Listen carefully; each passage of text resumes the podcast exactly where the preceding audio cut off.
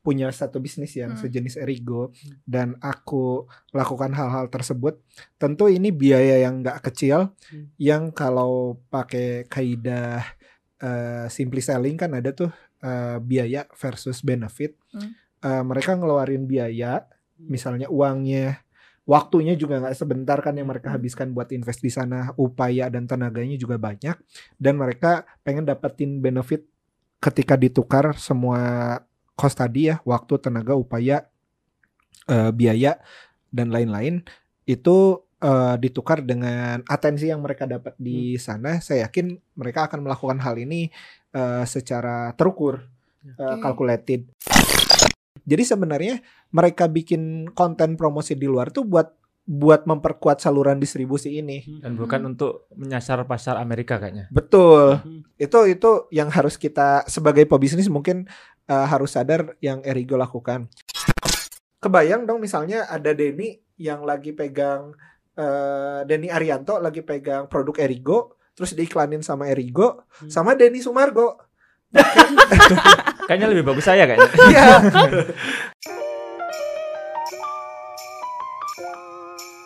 Selamat datang di podcast You Business. Podcast yang membantu kamu untuk terus belajar dan berbagi insight untuk mengembangkan bisnismu. Di sini, kita akan belajar dari para praktisi ataupun berbagi insight dengan tim You Business sendiri. Selamat mendengarkan. Bismillahirrahmanirrahim. Assalamualaikum warahmatullahi wabarakatuh. Waalaikumsalam warahmatullahi wabarakatuh. Kembali lagi di podcast bareng Yubi eh, di episode kedua. Nah sebelumnya kita ada episode pertama yang ngebahas tentang apa yang harus eh, pebisnis lakukan ketika pandemi ini berakhir. Hmm. Buat teman-teman yang belum ngedengerin, boleh mampir ke channel YouTube You Business dan podcast You Business. Hayya. Dan di episode kedua ini eh, line up di sini ada Kang Salman sebagai CEO eh, You Business. Jangan ya nanti dapat komplainan. Oh ini. Oh ini. Nanti ketahuan nanti komplainnya tahu gitu. Terus ada Kang Noval. Ya. Eh, gimana rasanya jadi bapak baru? Bapak Oh iya. baru. Noval ini baru jadi bapak ya teman-teman sekitar tiga Ya. hari lalu. Mohon didoakan semoga Noval kuat menjalani 40 hari ke depan. Amin. Dan selanjutnya ada Mas Denny, komedian kita. Dan aku Anita sebagai moderator. Nah, di episode kedua kali ini kita bakal ngebahas satu topik yang Ya. banyak dibicarain sama orang-orang ya, Kang ya. Eh, salah satu brand lokal Indonesia yang eh, kalau kalau di Google tuh ada from Depok to New York. Nah, siapakah itu? Eh, Depok yang banyak beritanya itu ya. Tahu gak di Depok tuh ada di Twitter ada babi lari terus pakai lagu Digimon Adventure gitu. Kayaknya aku perlu main Twitter kayaknya. Iya. Oke, eh, topik pembahasan ini kita bakal ngebahas tentang Erigo yang eh, memboyong beberapa influencer ke New York. Tuh. Ya. Oke, eh, gimana nih Kang Novel yang paling paham tentang per Erigoan? Boleh di sharing? Apa ya? eh, ya udah eh, mungkin sebelum ke Erigo. Jadi teman-teman mungkin udah pada tahu Erigo kan ikut sebuah event yang cukup bergengsi ya namanya New York Fashion Week. Eh, mungkin aku sed- sedikit jelasin dulu tentang New York Fashion Week itu apa sih? Eh, jadi eh, ceritanya zaman dulu tuh eh, sebelum eh, Indonesia merdeka di Perang Dunia Kedua di tahun 1943 ada namanya Press Week yang kita kenal sekarang itu adalah New York Fashion Week. Jadi di zaman Perang Dunia Kedua itu mungkin kiblat-kiblat fashion itu lebih ke bangsa Eropa. Jadi banyak-banyak panutan dari fashion dunia itu ke Eropa khususnya ke Paris.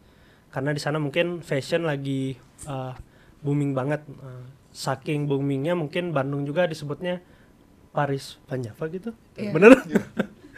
ya mungkin gitulah teman-teman. Ah, terus uh, akhirnya di Amerika itu uh, ingin menggerakkan uh, fashion yang Amerika punya gitu, style yang Amerika punya.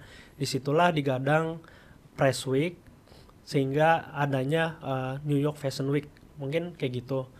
Nah, New York Fashion Week itu sendiri uh, diadakan setiap tahun di kota New York di bulan Februari dan bulan September. Nah, Ergo ini kebetulan ikut yang bulan September kemarin. Nah, kemudian uh, ini juga New York Fashion Week ini juga uh, termasuk dari Big Four uh, dari Milan Fashion Week, London Fashion Week dan juga Paris Fashion Week. Mungkin itu. Kemudian apa sih mungkin uh, tujuannya Erigo ke sana gitu ya? Sebenarnya tujuan Erigo kan uh, mereka brand fashion, mereka pengen uh, memunculkan line up line up baru, looks looks baru yang saya tahu itu mereka ingin launching 60 looks baru dengan uh, nama brand yaitu Erigo X. Uh, Erigo X ini digadang untuk menjadi line up terbaru di mana uh, tidak memandang ras, uh, bentuk tubuh, kemudian gender. Jadi semua fashion ini bisa digunakan oleh semua orang lah kurang lebih kayak gitu. Hmm. Kemudian juga uh, apa namanya Erigo itu sendiri mungkin um, memiliki visi uh, di mana ingin membawa produk Indonesia keluar di samping dia pengen promosi mungkin seperti itu. Ada brand lain nggak yang pakai cara yang sama buat buat dapat atensi dari audiensnya? Brand fashion gitu. Uh, apa pun sih apa pun. yang melakukan uh, hal yang sama. Kalau fashion tadi Erigo mungkin kalau musik kita pernah kenal yang Reza Arab itu apa dan uh, Lati ya. Lati ya. Lati tahu itu Reza Arab. Lati. kalau Lati itu yang mengenalkan lagu-lagu uh, Jawa itu ya. Ya, Lati itu ini konteksnya bukan New York Fashion Week tapi mereka melakukan promosi di luar sehingga uh, di luar itu uh, beritanya bisa masuk ke Indonesia secara masif gitulah. Nah, kemudian Erigo sendiri uh, tidak hanya ikut New York Fashion Week, mereka juga menyewa uh, billboard di Times Square. Yang kurang lebih rate-nya itu sekitar 74 juta hingga 700 juta per hari. Jadi bukan per bulan per hari dia ngeluarin segitu gitu. Nah ini cukup menarik gitu untuk kita uh, diskusikan lebih lanjut karena budget marketingnya sangat tinggi gitu. Kemudian kita juga bisa lihat bahwa Erigo sendiri membawa banyak influencer seperti kalau yang saya lihat itu ada Den Dimas, ada Denny Sumargo, ada Arif Muhammad, ada Luna Maya, terus Rachel Venya ya Hmm. Ada siapa lagi? Gading Martin. Gading Martin. Nah kalau yang saya lihat itu uh, misalkan ya kayak Den Dimas dia uh, vlogger motor gitu. Dia sen seneng ngomongin motor. Kayaknya nyambung juga sama yang okay. Erigo pingin gitu. Mereka pengen menampilkan looks baru, uh, mengejar tema sport American. Nah di sini Den Dimas menjadi public figure untuk uh, baju uh, riding mungkin kayak gitu. Terus uh, Arif Muhammad juga ke otomotif ke mobil juga punya brand fashion sendiri jadi istilahnya gini kalau uh, salesnya Toyota pindah ke sales jadi sales Honda uh, customernya tadi ikut pindah juga kurang lebih kayak gitu. Jadi diharapkan mungkin dari uh, pemilik Erigo ini influencer influencer yang diajak untuk uh, join ke Erigo untuk membawa para audiensnya untuk uh, bisa beli produknya Erigo. Mungkin kayak gitu sih. Oke okay, oke. Okay. luar biasa sekali sih. Kalau dari kacamata Kang Salman nih kan uh, Erigo ini banyak mungkin dari segi uh, budget mungkin mereka bakar-bakaran gitu. Hmm. Nah, gimana cara mereka untuk mengukur gitu apa yang dia keluarkan dan uh, mengukur untuk sebenarnya nanti uh, setelah mereka keluarkan baliknya gimana gitu. Oke. Okay. Uh, eh, ini disclaimer ya, aku nggak tahu sama sekali sebenarnya berapa yang mereka keluarkan hmm.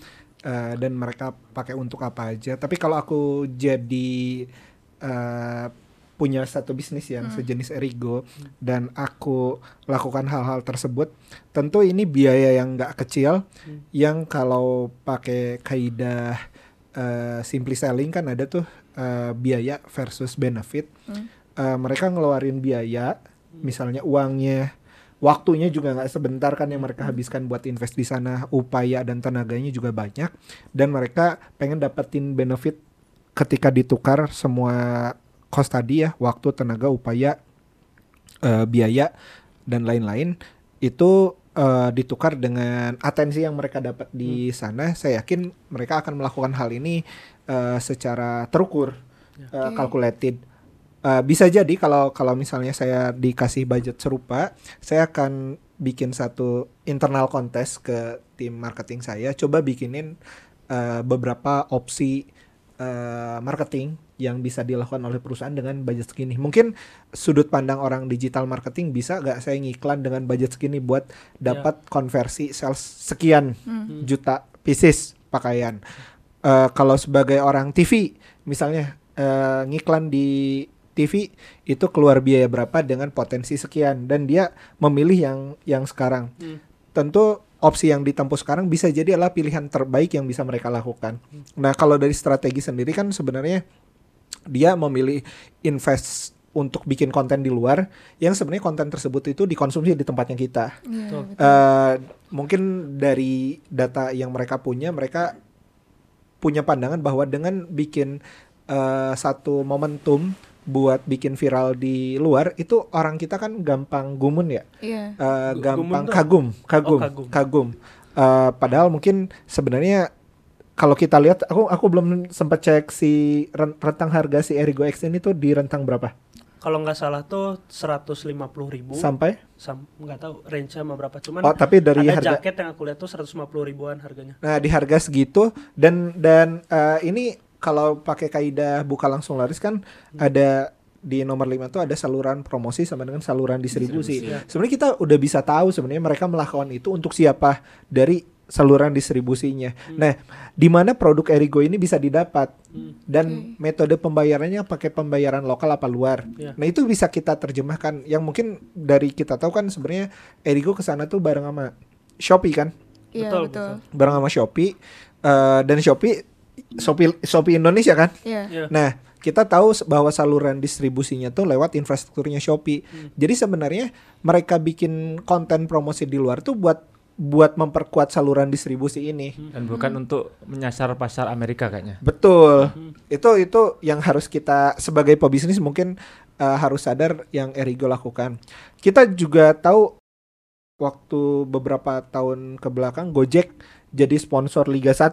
Hmm. Eh, terus sebelum Shopee juga li- pernah jadi sponsor Liga 1 kan. pernah. Itu ki- kita tahu kenapa mereka invest ke liga yang mungkin mereka akan pertam- eh, pertimbangkan berapa banyak reach atau view yang dikasih sama liga itu. Hmm.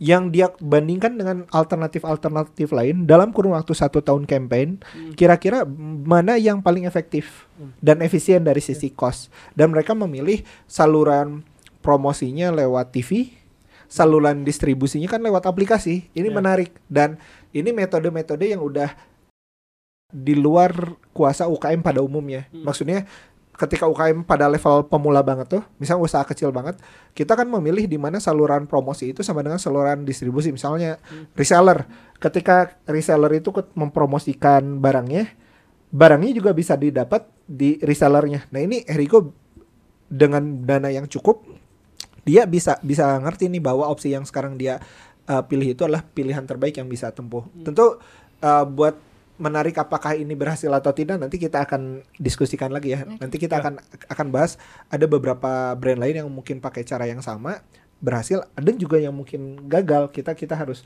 harus harus bisa cover bahwa bahwa uh, strategi ini mungkin tidak untuk semua orang. Nah, kalau aku sendiri jadi Erigo kan dalam dalam pembuatan konten tuh ada eh dalam pembuatan konten tuh ada kontennya, ada konteksnya. Nah, aku ngelihat isi kontennya kan gitu-gitu aja gambarnya, misalnya eh, si modelnya dan sebagainya. Nah, dia kemas konteksnya tuh di, di dikemas di tempat lain yang mungkin kalau kalau eh, kita pahami beberapa advertiser misalnya endorse tuh kita nggak berharap dari hasil endorse eh, si influencer tuh akan akan bisa jadi konversi ke sales. Tapi ternyata kita ngendorse satu influencer tuh buat kita iklanin ulang Iya, iya. lewat Facebook Ads Iya. atau Instagram Ads. Mm-mm. Nah, kebayang dong misalnya ada Denny yang lagi pegang eh Denny Arianto lagi pegang produk Erigo, terus diiklanin sama Erigo, sama Denny Sumargo. Kayaknya lebih bagus saya kayaknya. Iya. sama Denny Sumargo pakai produk Erigo, diiklanin. kira-kira berapa banyak fans Denny Arianto yang akan beli Kayak 5 Erigo. juta kayaknya. Ada Iya. 5 juta. Nah, kurang lebih kayak gitulah. Jadi ketika ketika kita berhasil ngemas satu konten dengan bagus, pas disebarin virusnya, mestinya angka angka simaknya lebih tinggi kalau kata Mas J kan. Ya. Faktor simak, faktor lilik, faktor klik. Eh, kalau istilah yang umum kita temui di di digital marketing tuh stopping power. Bisa kita bayangkan misalnya ada b- baju lewat, baju doang digantungan, backgroundnya sarung misalnya, gitu. Dulu saya jualan kayak gitu, jualan jaket, backgroundnya sarung, sarung sobek yang sekarang masih ada di kontrakan eh, gambarnya buram. Kira-kira kira-kira orang pas lihat ini penipuan bukannya gitu kan. Nah, sama satu lagi misalnya ada tokoh yang kita suka lewat di timeline kita pakai satu produk. Mungkin kita ngerasa relate dan kita akan berhenti nyimak itu konten. Kurang lebih saya ngelihat sih Ya. Erigo pakai pakai metode itu. Kalau saya jadi Erigo, saya akan melihat dengan cara seperti itu gitu sih. Kurang lebih kayak gitu sih Nit. Oke oke. Halo teman-teman, apakah itu kamu yang ingin membangun bisnis tapi bingung mulai dari mana? Atau merasa bisnisnya stuck di situ-situ aja? Kami ingin membantu kamu dengan e-course buka langsung laris oleh Jaya Setiabudi. Di e-course ini, kamu akan belajar tentang tujuh langkah praktis yang bisa dilakukan untuk membuka bisnis. Mulai dari bidik pasar potensial, uji produk ngangenin, sampai memaksimalkan konversi. Khusus pendengar podcast You Business, dapatkan diskon 50% dengan kode kupon podcast You Business. Kunjungi e-course.youbusiness.com untuk informasi lebih lanjut. Jangan lupa ya, e-course.youbusiness.com dengan kode kupon podcast You Business. Hmm, ini sih ada pertanyaan dari aku. Eh, ketika si Erigo, Erigo ini sekarang lagi boom banget, apakah itu akan sustain gitu di kepala orang-orang? Waduh, ini pertanyaan berat ya. Kita bertanya mengenai sesuatu yang akan akan eh, di masa depan. terjadi di masa depan. Eh alam. kalau pertama jawabannya itu, kedua kalau saya ngelihat karena sebelumnya pernah di industri keuangan juga.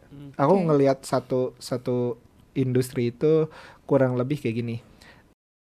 Dulu saya belajar dari salah satu pendiri fintech dia ngomong ada dua variabel. Yang pertama adalah availability to pay, bahwa orang tuh mampu bayar apa enggak. Ya. Yang kedua adalah eh, willingness to pay, orang mampu tapi nggak mau Hmm. juga gimana. Oke. Nah yang terakhir ini yang saya tambahin stability to pay. Maksudnya gini, buat ngelihat satu industri itu bakal lama apa tidak, misalnya industrinya itu udah berusia eh, 10 tahun. Aku prediksi dia nggak bakal tutup dalam sebulan ke depan. Kemungkinan besar berat karena dia udah berhasil melewati beberapa fase bisnis ke belakang. Beda kasus misalnya bisnisnya baru mulai satu bulan, aku belum pede dia masih ada seta- setahun ke depan apa enggak. Nah, Erigo ini kan udah kita kenal dari 2000 berapa ya dia? Udah berapa tahun? 12 kalau nggak 2000 2012-an ya. Di zaman Instagram. Naik kan dulu aku sering lihat Erigo ngiklan di dagelan tuh di grupnya Invia.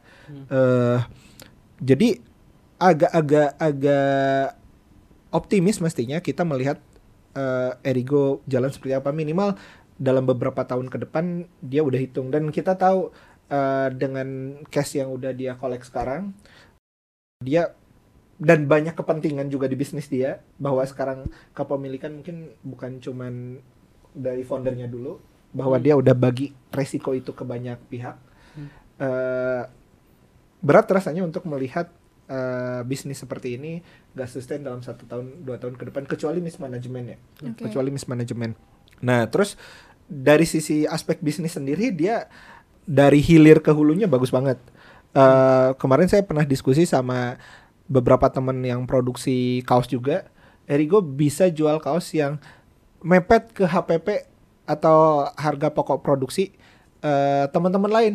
Yang lain tuh bikin satu kaos harganya segitu dia bisa jual segitu. Hmm. ini kalau saya punya bisnis kayak itu kan saya udah dapetin market yang mungkin eh, sebulan saya bisa jual jutaan kaos. Kira-kira marketnya udah dapet eh, hilirnya udah kuat akhirnya saya kuatin kan dia bikin fulfillment sendiri tuh Hmm. jadi fulfillment yang lemah dan tidak berdaya di hadapan sales sebanyak itu gitu Eh, terus dari fulfillment seperti itu bisa nggak menurutku bi- eh, menurutmu Den bisa nggak aku eh, bikin bikin kain dengan volume transaksi sebesar itu bikin kain sendiri kalau kalau aku jadi jadi tentu bisa dong. tentu bisa dan kenapa tidak dilakukan kan Iya. mestinya Eh, dengan kain sendiri bahkan bisa bisa eh, stylenya kaosku ke- pengennya kayak gini dengan volume seperti itu jadi sangat memungkinkan. Dan dari sana dengan hulu ke hilir biaya atau marginnya jadi satu jadi jadi bulat. Nggak dipecah-pecahkan dulu orang misalnya dari pabrik pabrik ke pedagang kain eceran Hmm. pedagang kain eceran ke eh, perajin perajin ke pebisnis pebisnis ngambil margin buat buat bisnisnya baru ke konsumen. Itu kan pertambahan margin tuh. Nah dia bisa hajar semua. Nah itu yang aku lihat pebisnis pebisnis macam Erigo ini cukup matang ya dalam ngambil ngambil keputusan. Dan ini kita tahu kita nggak ngomong bisnis yang baru mulai sebulan dua bulan ke belakang dia udah udah bertahun-tahun ke belakang gitu. Tapi yang tadi kan konsekuensinya berarti harus memecah fokus kan ya. Kalau dia fokus misalnya ngurusin sablonnya, pewarnanya diproduksi sendiri kan ntar fokusnya eh, jadi terpecah. ini kalau ngomong uh, fokus itu di kepala satu orang.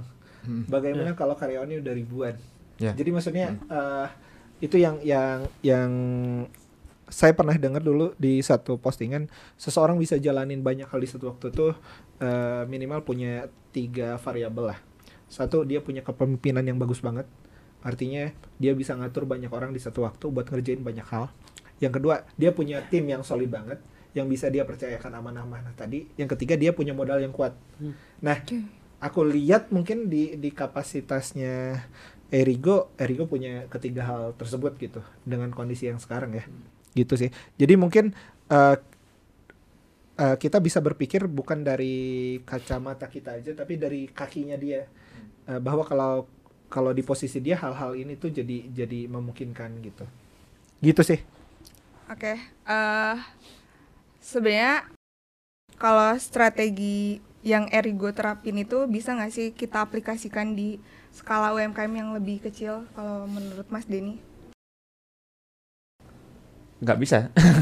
Nggak bisa. kan uangnya nggak nggak ada. Nggak, Tapi nggak. gimana? Eh, Bukan Times Square nggak, kan? mungkin nggak nggak harus senilai itu ya, tapi dari pola pikirnya kita bisa tarik benang merah dan itu mungkin bisa diterapkan ke UKM. Kalau benang biru kan ntar jadi aneh benang merah. Ya, begini guys. UKM kalau kalau mengenai biaya pemasaran itu hakikatnya itu bukan biaya operasional tapi biaya investasi guys. Jadi mungkin eh, kamu akan mengeluarkan biaya opera, biaya pemasaran yang sangat besar di awal.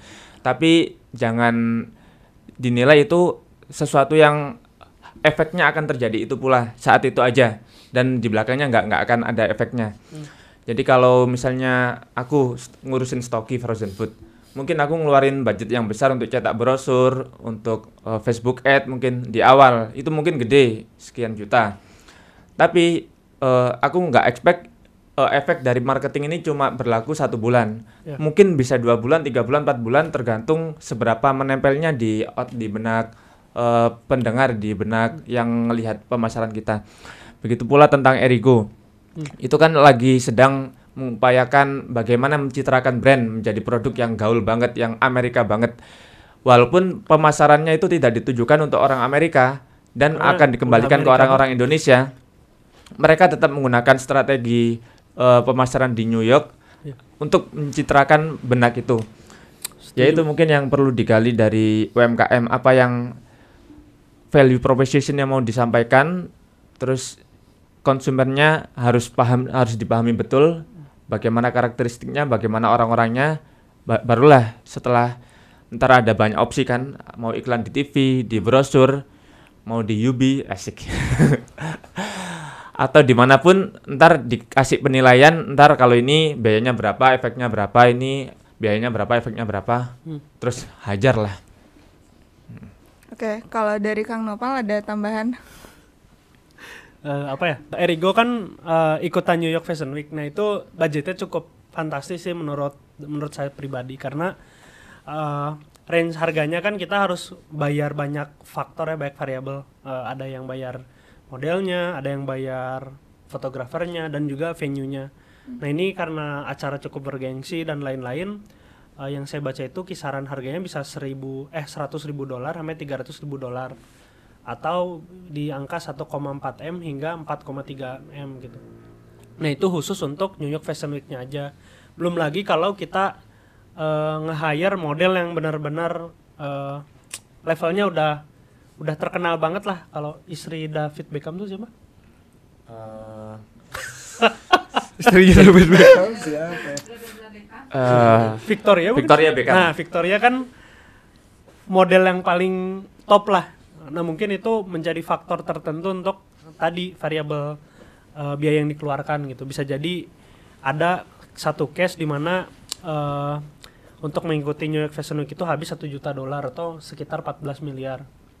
Nah, belum juga eh, Erigo ini kan naruh billboard di Times Square. Di billboardnya itu sendiri ada influencer yang ditaruh mukanya di sana.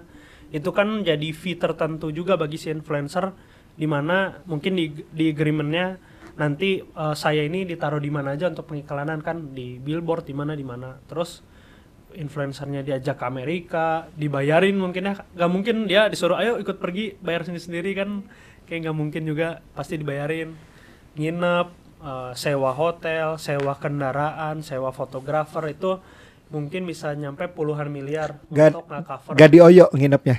nggak di Oyo. Gak di Oyo. Tadi tuh saya sempat searching apa istrinya Beckham tuh Umi Ibnu Beckham. Oke lanjut. Ya, Gak iya. lucu. Tadi nginep terus perjalanan.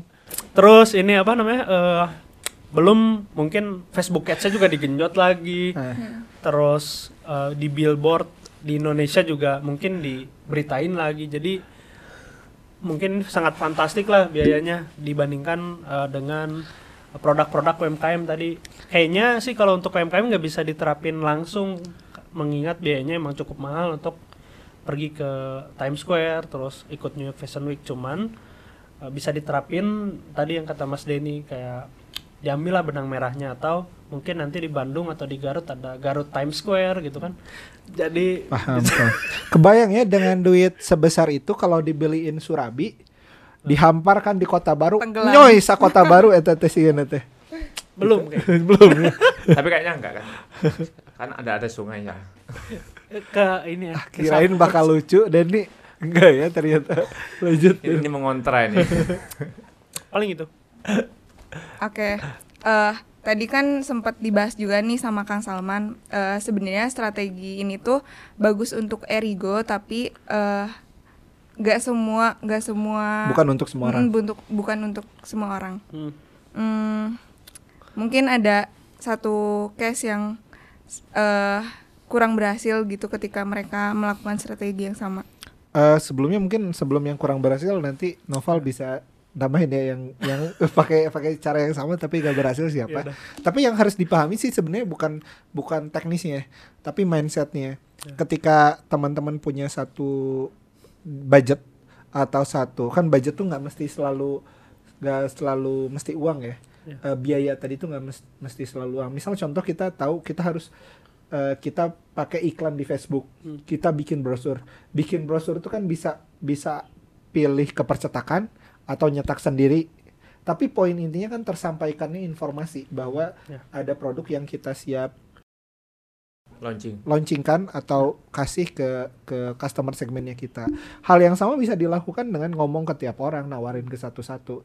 Jadi itu pilihan, mau keluar duit, mau keluar tenaga, mau habis waktu dan sebagainya. Masing-masing ada ada ada pilihannya. Ini ini tergantung mindsetnya. Nah, Ini ada cerita dikit di bukunya Mas. Ya, Boleh. Lupa di antara yang, yang tiga itu. Ada namanya Pak siapa itu yang Mbah Mbah Wo yang jualan mie di pegunungan di pedalaman. Hmm. Mbah Wo ini setang sangat pintar soalnya dia promosi dengan mulutnya sendiri. Saat dia pergi kota, dia bilang ke misalnya di dalam angkot, di sana loh di di pedesaan ada mie yang enak banget. Ayo kunjungi ke sana. Oh. Ya.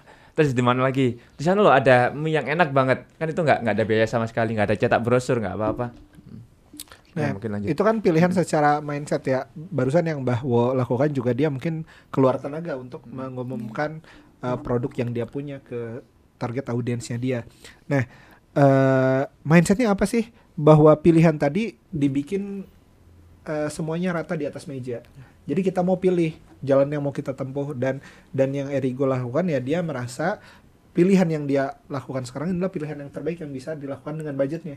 Dan make sense bahwa eh, dia juga ngejar ngejar ini ya belanja akhir tahun ya di eh, 11 11 sama 12 12 bahwa dua tanggal tersebut adalah angka konsumsi yang besar. Hmm. dan di beberapa data mengatakan eh, angka konsumsinya bisa sampai lima kali lipat. Jadi ngambil momentum di September ini biar top of mind justru nanti di akhir tahun mungkin. Hmm.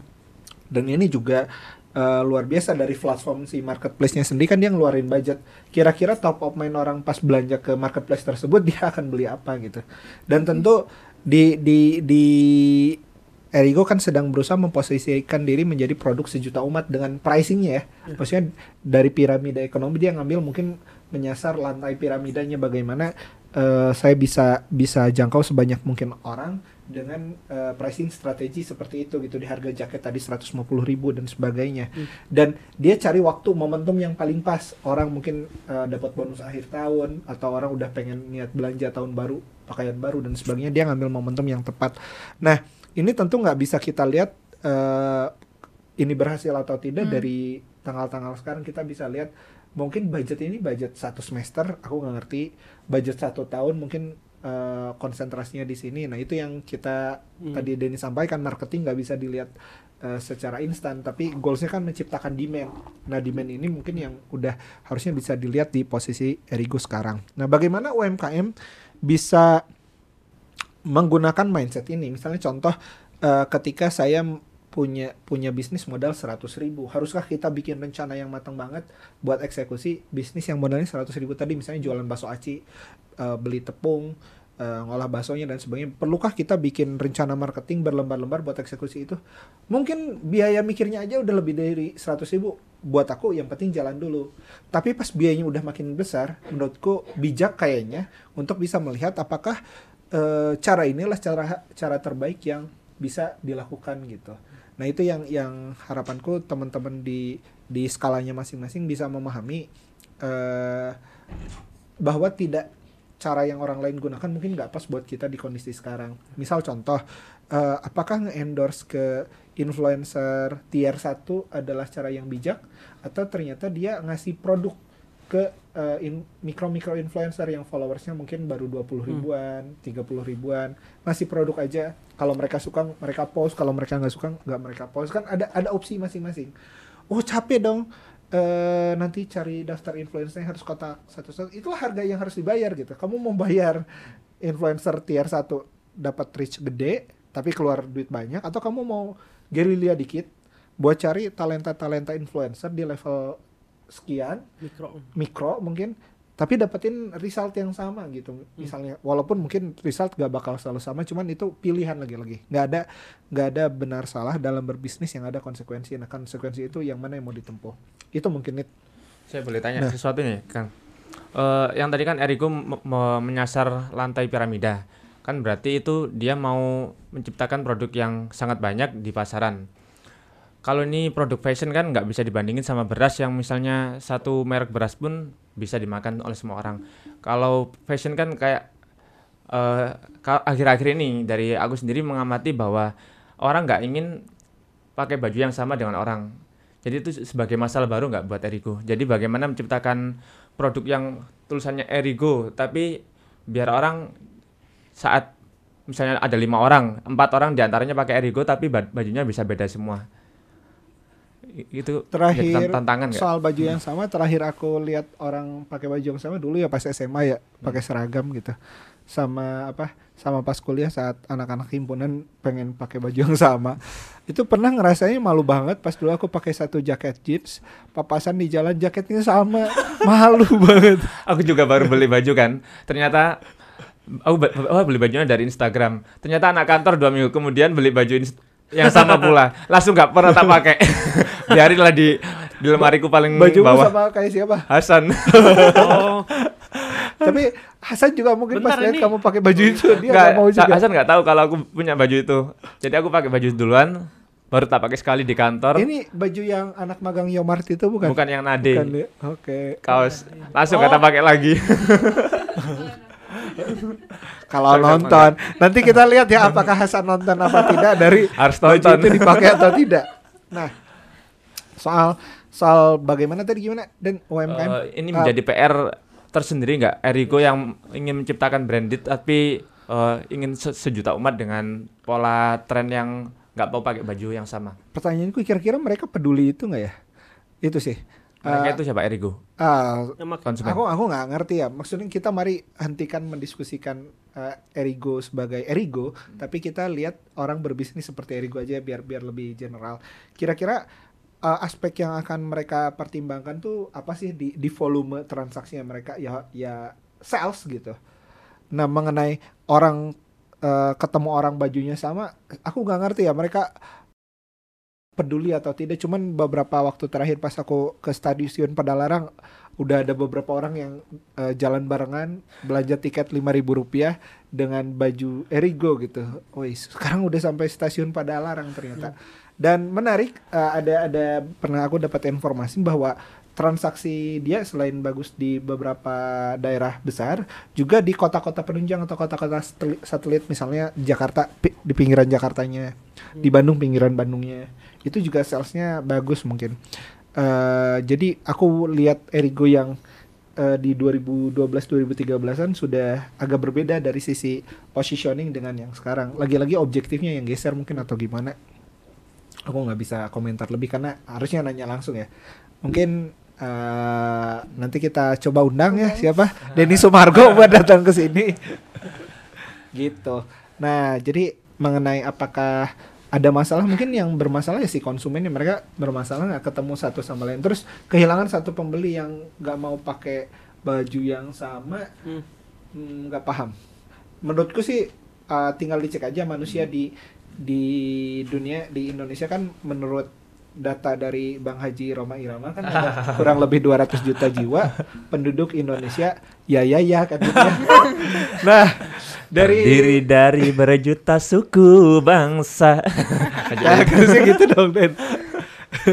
Nah itu kan 200 juta jiwa. Mm-mm. 200 juta jiwa dia produksi satu kaos berapa? Misalnya berapa SK, eh, berapa satu SKU tuh berapa pieces? Hmm. Katakanlah misalnya 10.000 ribu. Berapa sih kan 10.000 ribu per eh, 200 juta dan mereka bisa ketemu di satu tempat gitu? Coba tolong hitungin. Eh, Noval sebagai orang yang ngerti. Tadi strategi distribusinya ya. nggak nggak ngerti. Hmm. tapi ada kans buat ketemu lagi? Sekarang pertanyaan kans ketemunya aja si si orang pembeli baju yang sama tuh kapan kalau kalau beneran mau kita permasalahkan ya. Hmm. tapi menarik juga gitu. Saya juga Enggak, eh, enggak mungkin eh, dari pihak UKM mungkin bisa diselaraskan. Melihatnya nggak cuma dari pemasaran pemasaran gencar tapi produksinya gitu-gitu aja tetap. Jadi mungkin dari pemasaran yang sangat bagus tersebut harus diikuti oleh semua lini di perusahaan. Oh iya ini betul. Promosi yang ngejar tapi distribusi yang buruk hanya akan membuat kompetitor masuk sih. Itu dan aku yakin di di yang Erigo lakukan sekarang dia udah udah siapin infrastruktur distribusinya dengan fulfillment centernya gitu. Udah kebayang sih. Eh, dia lakukan itu tuh tentu kalau kita jadi jadi decision maker di di sana eh, akan kusiapkan dulu infrastrukturnya sampai aku testing misalnya beberapa eh, apa sampling buat apakah ketika aku pesan dari daerah ini daerah ini performanya oke ketika matang banget baru aku keluarkan budget ke sana gitu. Cara berpikirnya mestinya seperti itu ya. Gitu. Ada pendapat novel atau Anita? Paling itu sih kan eh, fashion juga eh, sekarang kayak fast fashion mungkin kan udah pernah pada dengar.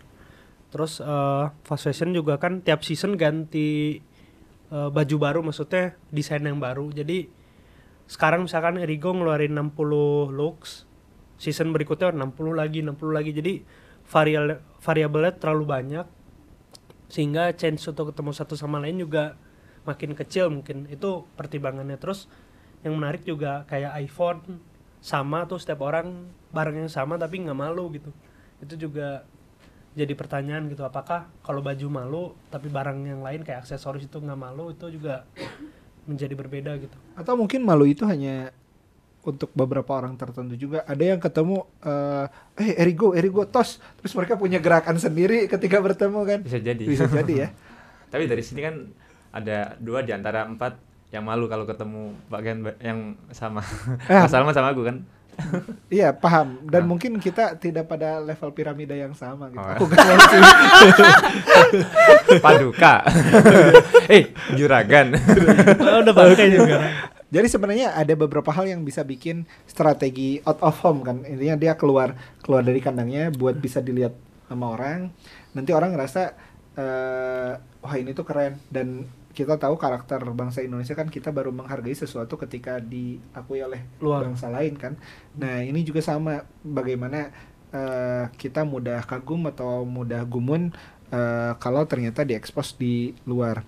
Nah, hal ini sebenarnya bisa bisa eh, gagal kalau misalnya muncul stigma overrated. Sebenarnya produknya nggak bagus, Iya. nggak bagus-bagus amat dan sebagainya. Dan dan dengan dengan penyebar virus tapi ketika produknya nggak bagus eh, nanti akan hanya menambah banyak korban dari produk yang nggak bagus ini. Ini konteksnya eh, umum ya. Terus yang kedua juga ketika promosi sangat gencar tapi tidak dibarengi sama jalur distribusi yang bagus, ini juga jadi kegagalan. Nanti malah potensi kompetitor buat masuk karena demandnya tinggi banget. eh, tapi mereka Nggak sanggup gitu. nggak bisa Penuhi. sanggup penuhi gitu. Itu peluang buat kompetitor masuk. Jadi misalnya eh, bahkan beberapa cara yang sama eh, buat menciptakan demand kan ada dipakai juga. Misalnya nanya ke satu warung eh, ada produk A nggak? Nggak ada ada produk A sampai 10 kali. Eh, buat menginfluensi warung. Sampai nanti di orang ke sebelas yang datang eh, bapak saya Nawarin. mau nawarin Oh, saya gitu jual caranya. A." Nah ada juga yang kayak gitu kan itu buat ngebangun saluran distribusi. Tentu ini uh, kita di luar ngomong konteks keberkahan ya. Apakah kita mau berbisnis dengan cara itu apa tidak? Terus eh lagi-lagi tadi nggak ada benar salah, yang ada konsekuensi dan juga eh di mana kan ini tuh bisnis ya, ada aliran uang. Nah keberpihakan ini jadi sa- satu hal yang penting sih sebenarnya buat dibahas. Bagaimana dengan dana yang besar, dana yang besar ini jadi apa dan nurani kita sebagai pembeli mau mengalirkan dana yang kita punya ke mana gitu. Eh, mengenai konsekuensi misalnya fast fashion dengan baik kan sampah terbesar kedua tuh sampah pakaian. Ya. Eh, itu juga jadi satu satu pertimbangan sendiri yang harus kita miliki sebagai konsumen. Eh, apakah kita mau ikut terlibat apa tidak dalam hal-hal seperti ini? Tentu ini aku nggak punya cukup data buat ceritain apakah s- ternyata si brand-brand yang tadi kita mention tuh termasuk kategori fast fashion apa tidak. Ya. Cuman eh, yang bisa kita kontrol ya diri kita, apakah kita mau terlibat ke sana apa tidak gitu ya. Gitu sih menurutku.